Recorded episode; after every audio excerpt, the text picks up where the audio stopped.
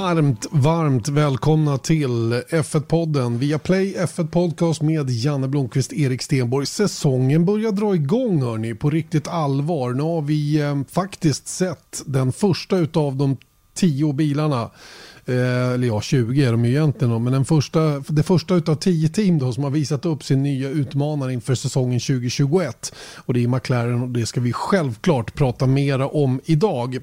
Vi kommer även att beröra det faktum att man eh, hade ett litet möte i, i Formel 1 eh, förra veckan och det här mötet ledde då till att man kom överens om att frysa motorreglementet efter säsongen 2021 och det har ju då gett Red Bull anledning att gå vidare med det här att ta över den motor om man nu kör eh, den här säsongen då även säsongerna 22, 23 och 24 då innan ett nytt reglemente kommer. Mer om det där och detaljerna runt omkring det i veckans podd. Även det här med sprintrace fick rätt så brett stöd faktiskt i eh, den omröstning som man gjorde under det här mötet. Vilket är lite intressant ändå med tanke på eh, den allmänna uppfattningen om det där med att köra sprintrace vid några valda tillfällen. Alonso ramlade ju på cykeln, eller på sig, eller han krockade med en bil och bröt över delen av käken och slog ut lite tänder och har nu blivit utskriven från sjukhuset. Och det där kan ju hända. Olyckor kan hända. Det vet eh, en eh, svensk för detta Formel 1-förare väldigt väl och Marcus Eriksson har varit med om ungefär samma grej. Vi pratar med honom om det. Eh, ja, Erik Stenborg, det var väl eh, i korta drag det det ska handla om idag. Exakt så. Det tycker jag du sammanfattade väldigt bra. Och du, du, jag antar att du satt där framför YouTube och tittade på ja, den första billanseringen för året, eller hur? Ja, jag satt väl kanske inte klistrad vid YouTube, men jag var ju nyfiken naturligtvis på bilen, hur den skulle se ut så småningom. Det finns rätt mycket att vara nyfiken på när det gäller McLaren rent generellt. Jag tycker själva den här showen de hade, den är ganska så här, den är inte gjord för mig och därför så ska jag inte sitta och, och tycka någonting om den. Den är gjord för fansen och, och liksom det var mycket fans interagerande och, och, man hade med folk på, på länkar och hej och hå, Så, så det är fine. Va? Men, men jag tyckte det tog lite tid innan man fick se själva bilen, vilket var det jag ville så att säga. Mm, men det där, vi kan ju börja där. Att jag tycker det är lite spännande då hur, för jag såg att F1 la ut på sin, sina so, sociala medier då om så här McLaren car launches through the years. Och då kan man konstatera att liksom, det har ju gått lite cykler i det där uh, lanseringarna av, uh, av bilarna. Att det varit liksom, de har ju kört på, var inte Jordan som gjorde på uh, Royal Albert Hall i London med Cirque du Soleil och jag menar, de har varit på Röda torget i Moskva och eh, McLaren har gjort det. De stängde väl av typ hela... Valencia. Ja, i Valencia. Jag var där. Ja, jag var där. Exakt, och mm. Spice Girls eh, 2007 och du vet, sådana, det har varit jättestora arrangemang. Och sen så efter då 2008-2009 mm. där det var finanskris, då blev det istället bara att ställa ut bilarna i pitlane. Det var i stort sett det man gjorde under lång tid. Men de senaste åren så har det blivit lite mer så här att, att och det är väl i takt med att liksom sociala medier blivit mer och mer viktigt och att man eh, har andra plattformar att sända på. Och nu har det blivit sån här, nu är det tv-shower. Det är liksom som en eh, studieuppsnack och sen släpper man i bilen och så tittar man. Och, och, det är just det för att bygga intresse runt fansen och det tycker jag faktiskt är ganska kul. Eh, mm, att det har blivit en grej runt det igen. Om, man, om det görs på rätt sätt så kan det dessutom bli någonting väldigt, väldigt underhållande att titta på. Där är jag dock lite tveksam till gårdagens inom citat show då som McLaren bjöd på. Den var inte jättekul att kolla på. Det var rätt uppstyltat. Och det, de, de går liksom inte hela vägen när det gäller att spendera massa pengar runt omkring det heller. Va? Och det kan jag förstå på ett sätt. Va? Eh, för dem är det också ett nödvändigt ont att göra det här för att de vill ju egentligen fokusera helt och hållet på att förbereda sig inför säsongen. Va? Men marketingavdelningen måste ha sitt och sponsorerna på bilen ska synas ordentligt. Och det är ju trots allt ändå en grej att visa upp årets utmanare och få förarna, i det här fallet en ny förare, ska också presenteras ordentligt. Va? Och sen är det viktiga då den här fanintegreringen då som man har, eller som man har digital, bara kan ha digitalt nu då. Men, men, men eh, och McLaren eh, gjorde det okej okay jobb så att säga. Va? Det, det, jag tror att det finns mycket att göra bättre för att få folk att sitta och kolla. Mer dokumentärt, jag vill mer under skinnet. Det går ju att göra hur mycket sköna rep som helst på omvägen fram till att bilen väl presenteras. Så att det blir eh, ännu mer en storytelling som, som jag saknade igår i alla fall. Mm. Men det kommer nog komma mer och mer. Jag tror också att liksom, coronarestriktioner och allting sånt där gör att det var lite eh, annorlunda grejer. Och sen så vet man ju också att de hade ju inte bilen på plats och de hade ett bandat eh, liksom, inslag där förarna får se bilen för första gången. Men det var ju för att de skulle köra bilen idag, tisdag då, på, på Silverstone. Så att det är ju, oavsett liksom vad man tycker om innehållet just där och då så är det ändå ganska trevligt att det blir någonting mer än att man ställer upp lite vet, renderade bilder på en mediasajt och så får man göra vad man vill med dem. Liksom, mm. Man försöker mm. utreda saker. Till exempel bara att få träffa Ricardo och se honom i McLaren overall. Det är ju faktiskt konstigt nog ett event i den här sporten. Just det, och där gjorde vi båda du och jag en, en reflektion när vi såg Ricardo komma in, hur mycket han tog rummet. Mm. Hur, hur, hur, liksom hela hans aura gör att en kille som har varit en, eh, en, en glad gamäng, så att säga, Landon Norris då, krympte lite grann på sin kant. Mm. Han fick inte samma utrymme riktigt va, och, och det är inte att Ricardo kommer in och, och dominerar och är liksom försöker att ta några billiga mentala poäng utan det är bara den han är som person gör att det blir inte, som, det blir inte lika mycket luft kvar till Lando Norris. Eh, och det där ska bli intressant att följa under året hur det där kommer att, att, att, utspela sig. För det var ju en otroligt god stämning mellan Carlos Sainz och Landon Norris förra året. De var ju, det var ju bromance som man pratade om alltihopa det där. Jag tror inte att eh, Daniel Ricciardo kommer att vara lika generös med sig själv i det avseendet som kanske Carlos Sainz var gentemot Lando Norris. Och Lando Norris kommer framförallt inte få samma självklara utrymme som han verkade ha förra året då när en sån kille som, som Ricardo dyker upp där. Och det kan också avspegla sig lite grann i vad som sen händer på banan tror jag. Mm. Ja, men man kan ju tycka att det där är lite så här löst i kanterna det vi pratar om nu, men jag tror ändå att det är en grej att förväntningarna på de där två, det ska ju bli liksom det nya komikerparet. Liksom att Lando Norris som gör sina memes och är på Twitch så är, är liksom, som du säger, han är lite av en spelevink. Och sen så har vi ju Ricardo som är så här skärmig till tusan. Liksom. Och kombinationen av de där två. Men jag tror nästan att de kommer liksom, Ricardo är nog lite som han är. Men jag tror att, och Lando Norris har väl sagt så mycket också, att, att han kommer liksom försöka backa på det där lite grann. Bara för att fokusera på, på jobbet så att det inte blir den här grejen. Alltså man vill inte heller få det liksom påskrivet på sig att så här, gör något kul Lando. Liksom att det, det är inte det de är där för att göra. Att, att eh, underhålla och dansa liksom. De är inga sång och dansmän, de är racerförare liksom. Mm.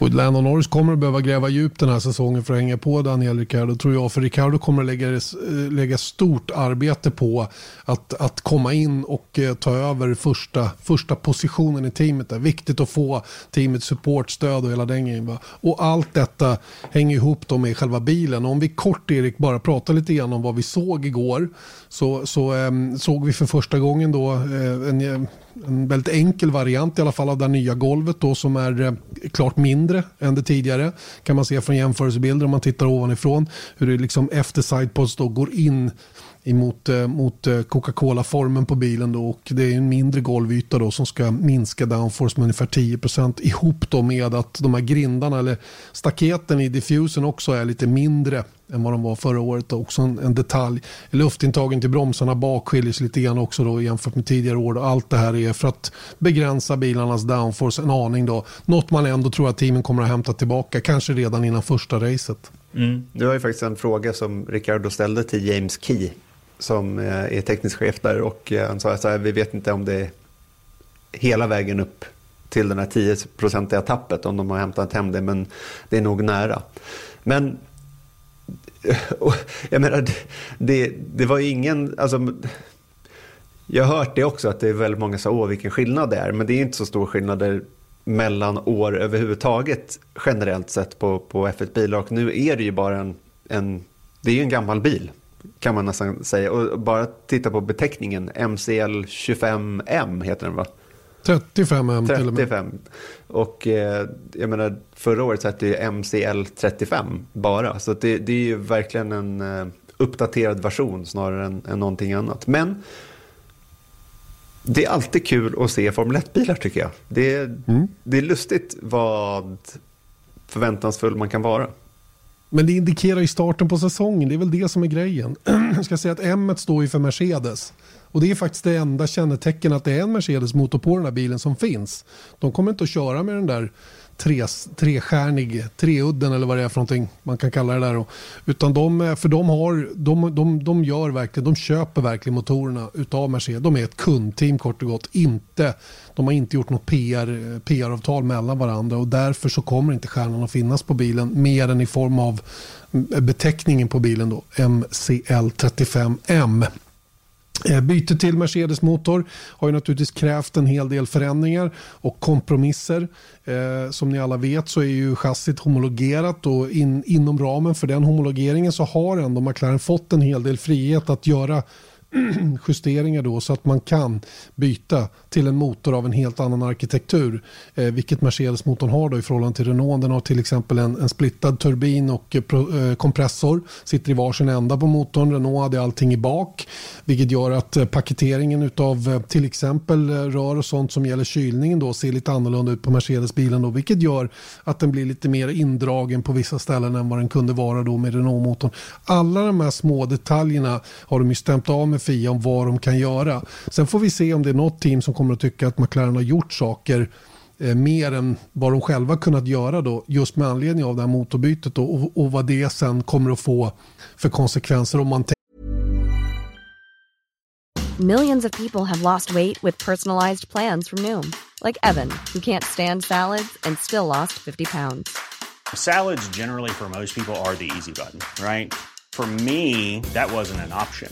I never really was a salad guy. That's just not who I am. But Noom worked for me. Get your personalized plan today at Noom.com. Real Noom user compensated to provide their story.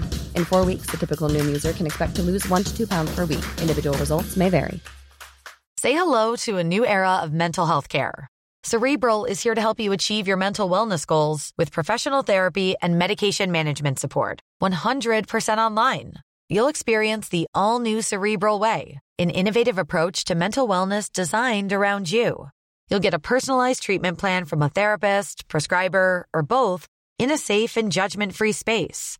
Your cerebral therapist or prescriber will outline a customized plan with clear milestones along the way so you can get to feeling your best. With Cerebral, you're not alone in your mental health journey. We're here to empower you to live a fulfilling life. So take that first step towards a brighter future and sign up today at cerebral.com slash podcast and use code ACasts to get 15% off your first month. Offer only valid on monthly plans. Other exclusions may apply. Offer ends July 31st, 2024. See site for details. tänker gå till Fia och säga det här verkligen okej? Okay? Att vi kan få lite Lex Racing Point igen då eh, med protester och allt vad det nu är för någonting. Men det, jag tror att det som krävs är att McLaren-bilen visar sig vara sjukt snabb. Och det ja. kan det mycket väl vara, även om jag tror att årets bil är en kompromiss. Det är först 22. De hade ju lite otur att eh, man sköt på införandet av det nya reglementet efter det att man hade bestämt sig för att byta till Mercedes-motor för säsong 21. Exakt, och då fanns det ingen väg tillbaka. Nej, så är det med det. Eh, vill, något mer du vill tillägga kring den här nya skapelsen? Nej, inte direkt eh, faktiskt. Jag tycker eh, framförallt att det var kul att se en ny bil och att se Ricardo i nya kläder. Det är i stort sett det i slutändan man kan, man, eh, kan ta med sig därifrån. Och som du säger att det indikerar i minsta fall att säsongen börjar krypa sig närmare. Mm. Fyra veckor kvar till försäsongstesterna. 12, 13, 14 mars i Bahrain. kommer att bli oerhört intressant. Nu släpper vi det och pratar istället om ett möte som hölls i förra veckan. Eh, och jag tänkte att du ska få reda ut beslutsgången i Formel 1 numera, för det har ändrats lite grann. Eh, de här World Motorsport Council och vad de nu har hetat, Technical Working Group och allt vad det nu är. Så, så ge oss lite grann med upplägget som gäller från och med i år och som gör det lite enklare att få till förändringar. Ja, exakt. Och det är ju den här, eh, det, det mötet som skedde då förra torsdagen, det var ju någonting som heter F1 Commission. Och F1 Commission är inget nytt, det har funnits i, jag höftar nu, men typ 20 år. Och det F1 Commission syftar till är att liksom det första steget att dra saker med stakeholders, att diskutera det internt innan man gör regler av det rent formellt. Och det gör man då genom World Motorsport Council. Och fram tills förra Concorde-avtalet gick ut, vilket var alltså förra året va? Ja, december 20. Mm. Ja. Eh, så då fanns den här F1 Strategy Group som egentligen bara innehöll toppteamen och andra liksom på konstiga premisser. Eh, för att det var liksom så här avarter där. Och, men beslut, besluten låg främst hos toppteamen vilket då ledde till väldigt mycket kritik. För de kunde ju liksom styra och ställa. Och det var ju dessutom, i slutändan så var ju det ofta liksom en sportslig fördel på banan. För de kunde helt enkelt välja eller sätta sig emot förslag. Eh, det finns inte längre nu, den här F1 Strategy Group. Nu finns bara the F1 Commission.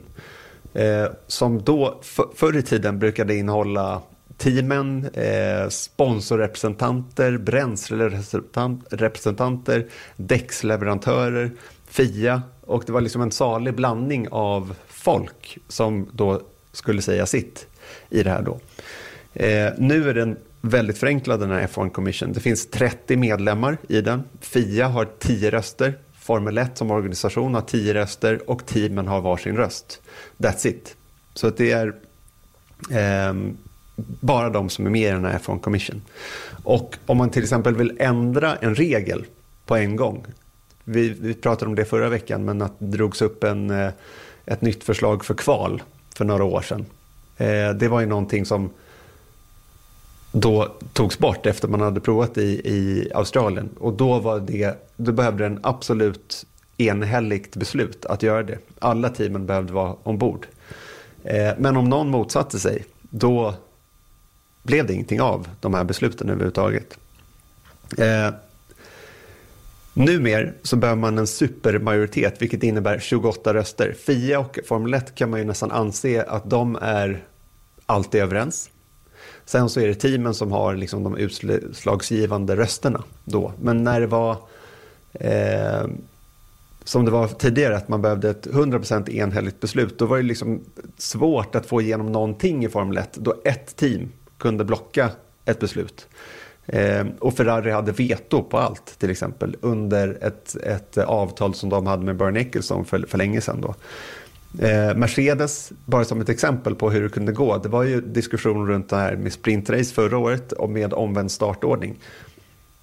Det som hände var, jag vet inte exakt hur många som var för eller emot, men i slutändan så var det bara Mercedes som blockade den här, eh, det här förslaget. Så att det var de som liksom stod för sig. Vi säger nej, vi ska ha ett vanligt kval, vi ska inte ha några sprintrace, vi ska inte ha några om, omvända startordningar. Och då blev det ingenting. Och det är ju ett tydligt tecken på att så här, om någon behöver komma med ett liksom, nydanande förslag eller någonting som kan förändra någonting. Och då tittar ju bara teamen på sig själva och säger så här, kommer det här gynna mig bara? Och så säger man nej. Och så blir det. Det du menar, det du menar är att FIA har tio röster, Formel 1 själva då har tio röster och teamen har tio röster, det vill säga en röst per team. Då. Mm. Eh, och Det du menar också är att FIA och Formel 1 i allmänhet är överens, de 20 rösterna är en. Sen då, det innebär ju då att du behöver vara sju av tio team som är överens. Nej, åtta av tio team måste vara överens mm. för att få till en förändring. Och Det är, därför, det är därför det är så viktigt då att Ferrari har sina lierade, Mercedes har sina lierade, tillräckligt många i alla fall, för att inom citat utöva lite påtryckningar då för att få igenom sina grejer då, om, man, om man behöver. Men det har, gjort, det har blivit betydligt enklare i alla fall eftersom inte man behöver ha total absolut majoritet. Ja, det, det är en bättre process i, i, den formen då. För att om man tittar på toppteamen i, som är i särklass på banan, då skulle ju de i praktiken kunna eh, liksom stoppa Mercedes kan stoppa för sina anledningar och Ferrari kan stoppa för sina anledningar, Red Bull eh, likaså. lika så. Men nu behöver man ju 28 röster så det är åtminstone tre team som måste vara överens om att inte genomföra ett beslut eller att, eh, eller att behålla saker som de är.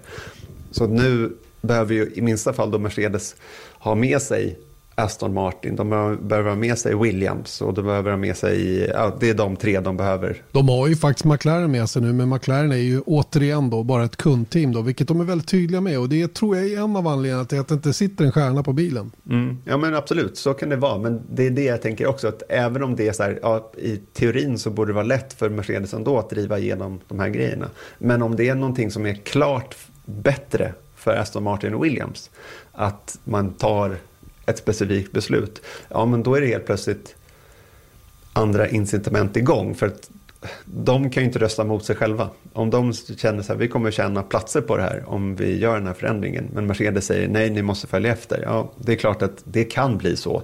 Men i minsta fall så, så kan inte Mercedes ta det beslutet i sina egna händer e- endast då. Eh, och det här då eh, gjorde ju då att eh, det här eh, F1 Commission då hade ju en omröstning om ett par viktiga saker, väldigt viktiga saker. En riktigt viktig sak som, som eh, berörde då två av teamen i Formel 1, nämligen Red Bulls båda team, Red Bull Racing och Toro Rosso, eller förlåt Alfa Tauri. Mm, exakt. De, under mötet med F1 Commission i torsdags så enades kommissionen principiellt om att frysa utvecklingen av motorer efter säsongen 2021. Och det var ju det här som Red Bull ville då Honda lämnar Formel 1 efter kommande säsong. Då. Så frågan var ju så här, vad skulle de göra? Skulle de gå tillbaka till Renault som motorleverantör eller driva Hondas motorer? Och det sistnämnda, eller båda de alternativen var ju i stort sett icke genomförbart. Red Bull och Renault har ju, en, har ju ganska mycket ont blod emellan sig. Det är klart att de hade kunnat få Renault-motorer. Det står till och med i regeln att, att eh, motortillverkare måste leverera motorer till team som behöver dem. Men det är ju ingen bra push mot VM-titlar att eh, ha en påtvingad motorleverantör. Så då var alternativet då att okej, okay, då tar vi över Honda i någon form. Men att driva vidare och utveckla vidare Hondas motorer var inte realistiskt för Red Bull.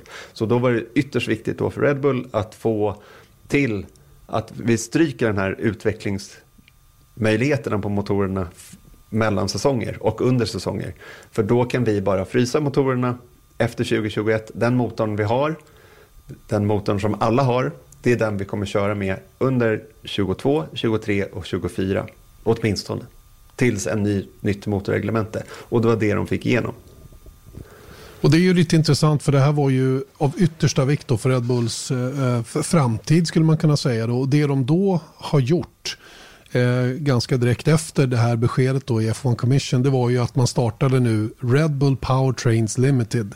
Och det här är faktiskt inte bara ett företag som ska underhålla de här Honda-motorerna i tre säsonger utan här är det långsiktig satsning om jag har förstått saken rätt på att från och med 25 och framåt ha en motor enligt det nya reglementet som de själva har tillverkat. På samma sätt som Mercedes och Ferrari gör det åt, sin, åt sin, sina team och åt sina kunder.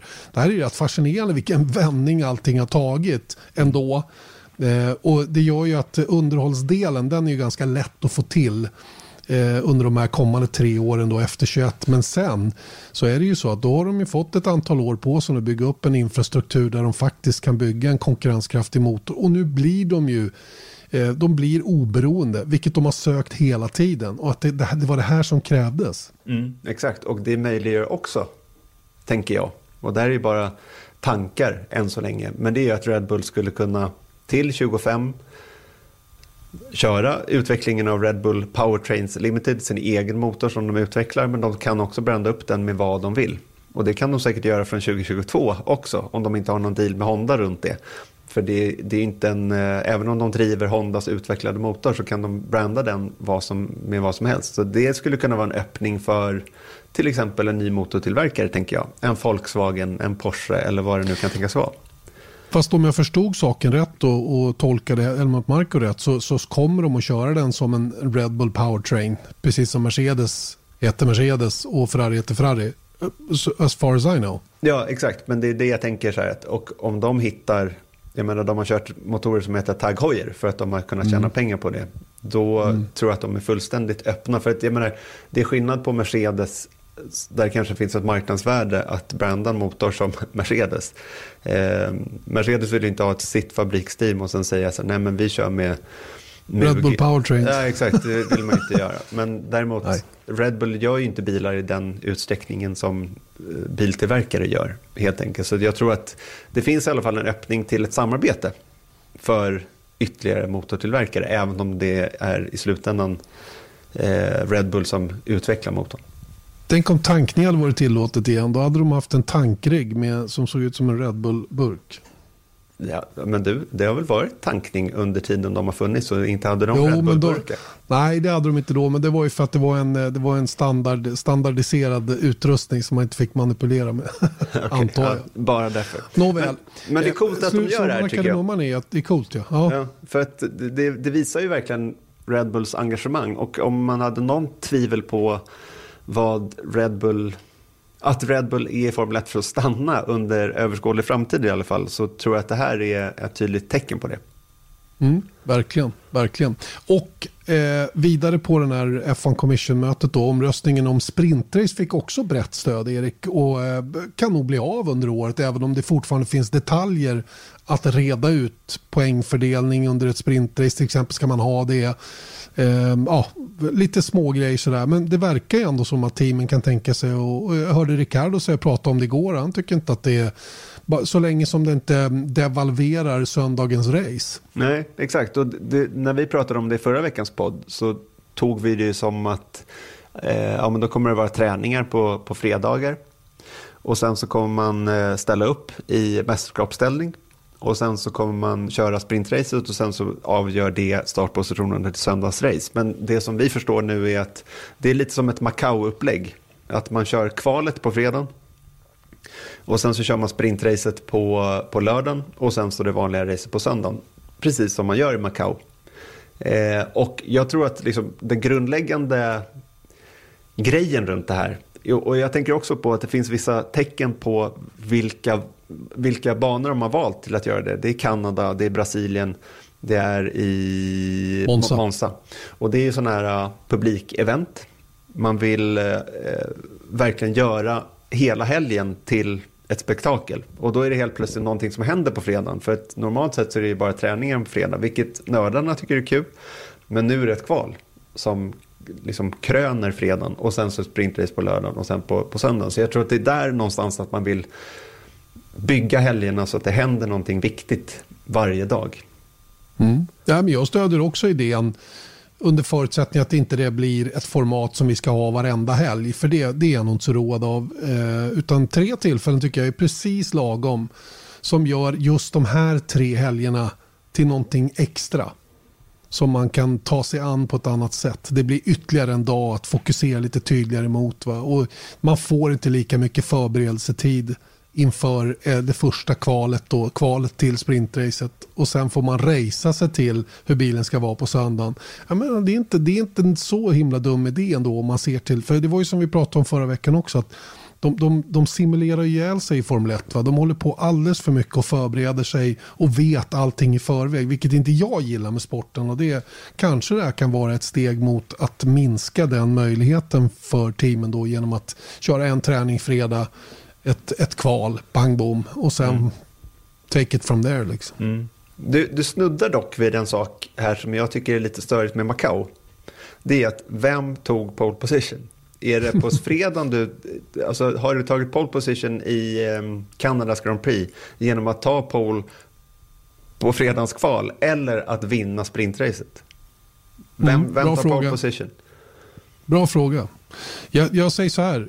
Vem, det blir nog, det blir nog att, att ta pole position. Det är att, att vara snabbast i kvalet. Att starta längst fram i kvalracet och, och då starta ifrån pole position är en annan sak. Så att, men det, det, där är ju, det där är ju jättesvårt att veta hur man ska förhålla sig till och vad, hur det kommer att se ut i historieböckerna och hela den biten. Men jag, jag vet att framförallt hos förare och folk internt i branschen så är det oerhört viktigt att vara den som var snabbast över ett varv. Det är ett superviktigt tecken på hur snabb man i själva verket är. Så det, det, kommer man, det kommer nog alltid att vara att ta pole position. Det tror jag. Mm. Men i övrigt då, vad, vad gäller liksom, eh, det, det är ganska mycket oklara detaljer som du nämnde helt enkelt. Vi vet inte om de tänker sig att dela ut poäng på lördagen. Vi vet inte om de tänker sig dela ut poäng på fredagen ens. Eh, det är väl mindre Mm. troligt, men, men eh, nu verkar det som att det finns eh, stor chans att det här blir av eh, på test under den här säsongen i alla fall. Och sen så kommer vi väl reda ut lite vad, vad det innebär rent praktiskt sett till mästerskapet. För ett annat problem är att om de ger poäng på lördagen mästerskap kan avgöras på lördagen plötsligt. Mm. Och det är inget bra. Det är absolut inte bra. Och ska, man, ska man dela ut poäng i ett kvalrace då måste man ändra poängfördelning så att alla kan få poäng. Det, det, tror jag är oerhört viktigt en sån gång. Så att man inte är liksom, för jag menar annars är det ju bara om man säger att man delar ut reducerade poäng till topp 8, vilket jag har hört är ett förslag. Mm. Då, då, då, försvinner ju de hela tiden från resten av startfältet på lördagarna redan och gapet ökar ännu snabbare. Och så Jag kan inte riktigt se poängen med just det då. Eh, men jag förstår ju också att man måste slänga in det för att teamen ska tycka det är värt någonting att köra ett extra race. För det kommer slita på grejerna. Va? Skador eller skador, men kraschrisken och alla de här bitarna som, som man måste ju ha någonting som gör det värt att, att vara lite alltså, aggressiv i det racet också. Mm. Och, det, och, det, är möjligt att man använder det då för att, för att sockra det här budet så att säga, och försöka få med alla så brett som möjligt. Jag vet inte. Nej, det kommer vi få se. Tidigast i Kanada i juni. Ja, tidigast i Kanada. Det ska bli spännande att se om det blir av överhuvudtaget till att börja med då. Eh, just det, sen så ska vi då prata Fernando Alonso förstås. För eh, det var väl eh, i slutet på förra veckan då så vi nåddes av uppgiften att han hade gått eh, i backen med cykeln. Eller krockat med en bil kort och gott under en cykelträningstur. Eh, han bor i Schweiz och det här var ju om jag har förstått saker rätt i Lugano. Inne i tätorten Lugano då som han hade kolliderat med en bil och, och gått i backen. Och det var rätt sådär det var rätt eh, knapphändiga uppgifter om hur illa skadad han var. Det är aldrig bra att gå, gå i kull på cykeln. Man kan skada sig på alla mest konstiga sätt. Nyckelben, eh, axlar, man kan slå i huvudet och allt vad det nu var. Nu visar det sig vara en fraktur på övre käken eh, och utslagna tänder. Men han har stannat rätt många dagar på sjukhuset och först igår när vi spelar in idag tisdag blev han ju utskriven från sjukhuset. Så han har varit kvar där rätt länge då och förmodligen och opererats. Ganska illa däran i ansiktet tror jag. Opererats ja precis. Så de har liksom gjort en korrigerat den här käken då, så att den är som den är och kanske satt i nya tänder också. Jag vet inte hur snabbt man kan göra det. Men det är, det är obehagligt när sånt här händer i alla fall. Och det är så typiskt att det händer Fernando Alonso då som är mitt uppe i förberedelserna för sin comeback. Han är ingen 20-åring längre ska vi också komma ihåg. Sånt här tar på kraften även om man heter Fernando Alonso. Det är oerhört olyckligt det han råkade ut för, minst sagt. Men han är också sådär, man märker då kommunikationen från hans Twitter att tack för alla välgångshälsningar. Jag är lika taggad som vanligt och Alpine eh, F1 eller Alpin eh, teamet har ju varit noga med att säga att det här kommer inte att påverka förberedelserna och så vidare och så vidare. Mm. Nej, man får hoppas det, men jag, jag måste bara känna liksom första första tweeten som kom från Alpin var ju, som du säger, det, det står ju att han är conscious och sådär, men jag tyckte just att så här, shit, de skriver att han är conscious, det blev ju också lite mm. så här, oj. Och man tänker på Alexander och Uh, Nicky Hayden, på Nicky Hayden MotoGP-killen som, som krockade med en bil och faktiskt omkom av skadorna. Mm. Ja, men, alltså, absolut, men det var ju just att han hade överlevt och sånt där. Men då, det, jag hoppas att det, allting är okej. Okay. Jag hoppas att det inte blir någon stor issue för honom att, eh, att köra tester till exempel och sånt där så att det inte blir någon sån här, ja men det blir fördröjning. Jag menar, han har varit med om det där tidigare när han kraschade det där i första året med McLaren var det va? Eller första året med comebacken med McLaren. När han kraschade i Barcelona och hade han fått hjärnskakning eller hade han inte fått hjärnskakning och sen så visade det sig att han hade fått hjärnskakning och fick stå, stå över ett race. Så att eh, det är ju inte suboptimala förberedelser för en comeback kan man ju konstatera. Men eh, som du säger, det är ganska typiskt Alonso på något sätt. Apropå Fernando Alonso då, och köra omkull på cykeln så eh, tänkte jag att vi, vi pratar med en som faktiskt har provat på det också. Marcus Eriksson, välkommen till F1-podden.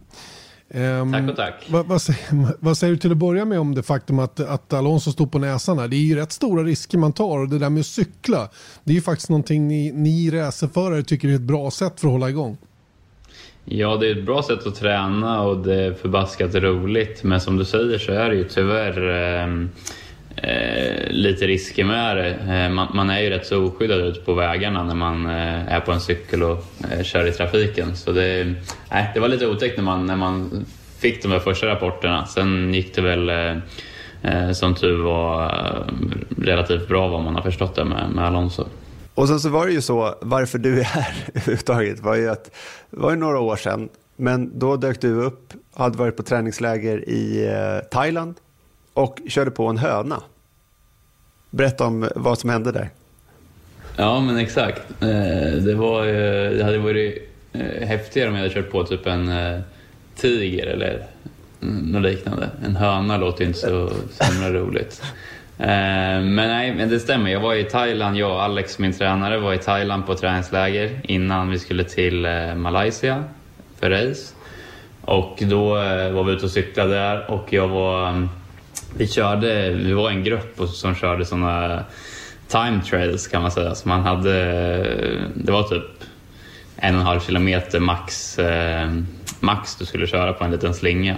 Och man körde en i taget. Så jag skulle ut och köra där, tryckte på allt jag kunde, kom typ 200-300 meter och sen runt en liten kurva där så kom det en, en, en höna och sprang ut precis framför cykeln när man ja, ligger och kör max egentligen. Så jag hann ju knappt reagera utan det var ju bara direkt ner i backen. Eh, och det gick ju rätt så fort alltså. Men det var nästan bra att det gick så pass fort för då hann jag liksom aldrig ta emot mig eller någonting så det gick ju bara rakt ner. Eh, så jag hann ju aldrig ta emot mig så att jag bröt någon handled eller något sånt då. Eh, utan bara egentligen skrapade upp hela vänstersidan. Så det var väl eh, tur i oturen men eh, ja, det var, det var inte så skönt och man kom ju då till, till Malaysia så hade jag väl så mycket bandage och, och sånt över, över kroppen. Du, asfaltexem det går ju kanske att leva med men, men det, det hade ju kunnat sluta riktigt illa. Nyckelben är ju en väldigt vanlig skada och sådana saker. Va, va, hur gick tankarna runt omkring det? Jag menar du är i en rätt utsatt position. Du är Formel 1-förare. Du har förmodligen skrivit på ett kontrakt där det någonstans står att du inte ska göra några alldeles för vådliga eh, saker för att liksom riskera någonting. Eh, funderade du på det? Det gör du ju såklart inte direkt när du går i backen men, men tiden direkt efter? Ja, men det är såklart, det, det är som du säger, man har ju eh, man har ju kontrakt man inte får göra vissa saker. Nu är väl cykling inte med i det kontraktet men, men eh, Ja, det, man, man, ska inte ta onödiga risker. Nu tycker man väl inte att man gör det. Eh, men, men, eh, det är klart att när man får en skada på det sättet så, så, så blir det att man tänker till. Och det är inte ett roligt samtal att göra. Eh, som sagt, nu var det ingenting som gjorde att jag höll mig borta från utan jag kunde ju köra eh, till, till kommande helg. Då. Men eh, som du sa, hade jag haft, eh, ja, om nyckelbenet hade gått eller handleden eller något sånt där, då hade det varit riktigt eh, jobbigt. Två frågor Marcus. Hur, ett, hur gick det för hönan? Och två, var det, du hade massa skrubbsår och allting sånt där, men var det någonting som var mer allvarligt än så som du kanske inte nämnde? Eh, hönan eh, sprang eh, iväg direkt, så den såg jag inte vart den tog vägen. Men hönor kan ju springa även fast de ska dö. Va? Eh, man, man, ja, man, man hugger väl huvudet av dem och de springer, springer vidare. Så jag vet inte, han, Eh, eller hon kanske sprang runt, eh, runt busken och, och la sig ner där, jag vet inte. Dock, min cykel dog typ. Den, den, eh, den var ordentligt begagnad efter, efter den vurpan. Jag själv, nej det var faktiskt bara skrubbsår och så, vad jag kommer ihåg i alla fall, men rätt så rejäla. Och det var ju både axel och sida och armbåge och hand och knä och ja, det var egentligen hela vänstersidan som var uppskrubbad. Så men, men som sagt, som tur var så var det inte något mer än det. Du, det, det finns ju ett antal exempel genom historien då förare som har gjort grejer. Eh, vi minns ju en klassisk tennismatch som Juan Pablo Montoya spelade som gjorde att hans axel gick sönder eller var det en motocross-tävling, jag vet inte. Eh, vi har ju en, en kamrat i, som du var teamkamrat med kan man nästan säga, och Kimi Räikkönen som fick ringa det där lite obehagliga samtalet då när han hade gjort sig illa för ett par år sedan då. Du fick åka från, från Indycar till Belgien och hela den historien där. Det, det, händer ju trots allt lite då och då. Så att nu när du är aktiv i Indycar, tänker du på hur du tränar och vad du tränar på? Eh, och liksom är lite mer risk, min, mindre riskbenägen? Ja, men det tycker jag att jag har gjort eh, hela tiden egentligen från det jag började Formel 1 och gör det fortfarande. Man, man, man får ju tänka sig för lite och inte ta onödiga risker skulle jag säga. Sen så gäller det också att ha en balans i det. Jag tror inte du kan köra eh, 20 år och inte liksom ta några risker som helst utanför racingbilen. Jag tror inte det funkar heller utan du måste liksom kunna leva ditt liv också eh, utanför banan. Men som sagt, man får ju tänka sig för eh, en extra gång eh, vad man gör och inte gör. så det är väl så skulle jag säga att man, det är mitt mindset i alla fall. Sen, sen vet ju jag att det finns en hel del förare som gör saker som man kanske inte borde göra eh, på olika sätt och vis. alltså utsätter sig själv för, för onödiga risker. Eh, där känner väl jag att jag kanske är bättre än vissa andra. Men med det sagt då så, så kan jag dra en anekdot eh, runt en sån episod som jag fått reda på, det var ganska nyligen faktiskt, att det kanske inte var hela storyn. Och det var ju under försäsongstesterna så gjorde vi ett reportage med dig där man liksom försökte beskriva liksom hur processen är eh, runt ett test. Och då så filmade vi det inne i Saubers buss och då noterade jag att du hade tejp på ryggen och så hade du sån här eh, tens, du vet sån här muskelavslappnande eh, sån här elstötar på, på ryggen. Och då var det så här, nej men det, det är inget konstigt för att det, det är liksom, man är ju lite, oavsett hur mycket man tränar desto, så, så är det ändå mycket krafter liksom när man börjar köra bilen. Sen så såg jag, eller jag tror inte jag såg det, men jag kommer ihåg att du kom ut ur bussen, för vi höll ju på att filma med dig eh, hela tiden då, och då, då sprang du fram till kylen och tog en Coca-Cola. Och då var det så här, nej men jag fick en spruta och jag gillar inte sprutor. Så därför behövde jag lite socker. Och då bara, vad var sprutan för? Och då sa du att eh, nej men eh, det är sån där för att man skulle hålla sig frisk, det är en vitaminboost liksom bara. Så, ja, så. Men, och jag bara okej, okay, ja, fine det kanske man gör då. Men, eh, men eh, det kanske inte var det. Du hade lite ont i ryggen, har jag förstått i efterhand. Vita, vita lögner, vet du. Det, ja. det är okej. Okay. Nej, men alltså, det, alltså just den gången så hade jag, jag hade ju slagit eller, eller fått en skada på, på ryggen under eh, egentligen var ett träningsläger som vi hade innan säsongen. Då. Eh, dock inte genom att jag gjorde någonting, eh, utan det var från när vi hade varit på gymmet. Eh, och då eh, under testerna så hade jag ont i ryggen och då gjorde vi lite olika grejer där för att eh, jag skulle kunna köra. Och eh, sånt där skyltar man ju inte med utan jag har ju haft flera gånger egentligen under min karriär att man har haft skador som man har fått eh, behandla men som man inte pratar om eh, till ja, media till exempel och, och andra. Och jag vet ju att det är många förare som har haft det genom åren. Alltså det, det är någonting som, som förare, så länge du kan köra så, så kör du ju även om du har eh, mindre skador. Eh, och det har ju varit andra gånger också. Jag menar, jag, man har ju kört race när man har varit eh, rätt så sjuk. Alltså eh, ja, vanligt sjuk, för, förkyld eller, eller vad man än kan vara. Jag var matförgiftad någon gång när jag skulle på några race. Och det var bara ja, försöka köra ändå och så vidare. Så, så, så det, det, det, ska mycket till att man inte ska hoppa i bilen och köra och man gör ju allt för att eh, dels inte skylta med det för man vill ju inte visa mot sina konkurrenter eller att man är eh, svag. Det är väl som i alla sporter. Eh, så man, man har lite hysch runt det. Finns det även någon grej runt teamet då att man vill inte liksom att, för att vad jag förstår så är det inget man skyltar med till, till dem heller. Jag vet någon grej att eh, Mark Webber hade brutit rebenet också typ på mountainbike. Eh, och sen så säger han ingenting om det till teamet heller för att han, han, var, ja, han beskrev det som en oro liksom att bli eh, borttvingad från, från styrningen. Finns det också som en rädsla? Liksom?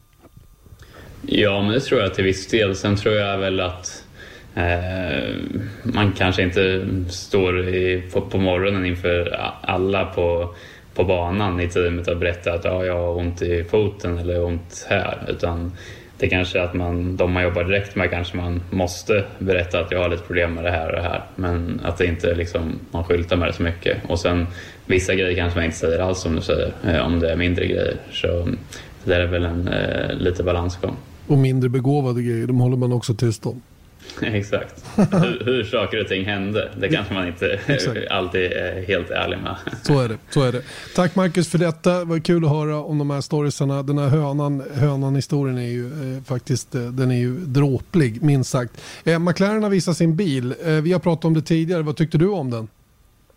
Ja, alltså, det, det, är väl som alltid tänkte jag säga. Det, det, var ju rätt så mycket snack där att det skulle vara, jag såg några rubriker att den skulle vara så himla annorlunda och allting. Och jag, när jag såg den så såg den typ identisk ut mot förra året. Eh, direkt när man såg den. Sen är det klart att det var ju en del en hel del detaljer som var annorlunda när man liksom analyserade den lite mer och kollade lite mer noggrant. Då. Men det var mest det som var min första reaktion att men hallå, den ser likadan ut. så är det. Så är det. Återigen, tack snälla Marcus för att vi fick eh, störa lite grann och prata om de här kanske mindre roliga sakerna. Men, men eh, det händer ju trots allt emellanåt. Ha, ha det jättebra. Du är i Sverige nu har jag förstått och hämtar visum så du kan tävla i år. Ja, exakt. Eh, hemma i Sverige här och fixar lite och ser till att allt är i sin ordning inför säsongen. Så jag flyger tillbaka här om en vecka till USA. Så det, det blir bra. Sen är det snart säsong. Så Just det. Lycka till med det då. Tack, tack. Ja, kul med Marcus Eriksson hemma i Sverige. Försöker få tag ett, eh, ett visa så att han kan eh, tävla som han ska då i USA. Eh, Marcus då, en av många förare som har råkat illa ut under försäsongen. Inte bara Fernando Alonso då som, som vi pratade om innan vi, vi snackade med Marcus här. Eh, det gäller att vara försiktig kort och gott. Man måste tänka sig för med vad man gör och eh, hela tiden ta höjd för att saker och ting kan hända. Oförutsedda saker kan hända. Sen går det aldrig att göra någonting helt riskfritt, eller hur? Nej, det är klart inte. Men jag tycker ändå det är intressant grej att det, det säger någonting om sporten tycker jag ändå. Att man är så, att man håller det så hemligt generellt sett. Jag menar, jag tänker återigen på Webber som jag nämnde, Montoya eh, och eh, jag menar, Niki Lau. Ja, det var ju samma liksom... med Kimmy häromåret ju. Ja, exakt. Det som vi också mm. nämnde där, att uh, det var mm. någon skada där som var oklart. Sen var han tvungen att berätta det, men det är just att så här, det är en hård bransch när man då absolut inte får säga det till teamet ens. Eller till sina mottävlare, men kanske framförallt tänker jag på teamet. Att man, det, det, det, är så pass hårt så att man vill inte liksom ens eh, sätta grillar i huvudet på någon ifall det skulle innebära att nej, men då tar vi vår reserv här. Så. Mm. Nej, men och det är att man inte kan säga det till teamet. Det kan ju vara så enkelt att man har gjort någonting som man inte får enligt kontraktet. Man har inget att välja på. Det är bara att hålla igen näbben och, och bita ihop. Mm. Det, det, är ju, eh, då hamnar man i ett tok, tokigt läge. Nåväl, vi ska verkligen hoppas att, eh, att Fernando Alonso först och främst är så pass kry att det här inte påverkar hans comeback nu då på något sätt. Och det är ju rätt lång tid ändå innan det är dags att börja köra på fullt allvar. Men det är smärtsamma grejer det här, alltså käken och, och tänder och usch. Vilket omak. Jag är inte ett dugg avundsjuk, verkligen inte. Nej. Eh, så att jag önskar dig nu en vecka utan otrevligheter Erik Stenborg. Ja, detsamma. Verkligen. Tack. Tack. Och alla andra förstås som har suttit och lyssnat på oss. Eh, håll er nu på benen och gör inte illa om ni nu är på sportlov eller vad det nu är. Och framförallt, håll avstånd. Se till att hålla er friska så är vi tillbaka nästa tisdag. Ha det bra. Hej då! Hej då!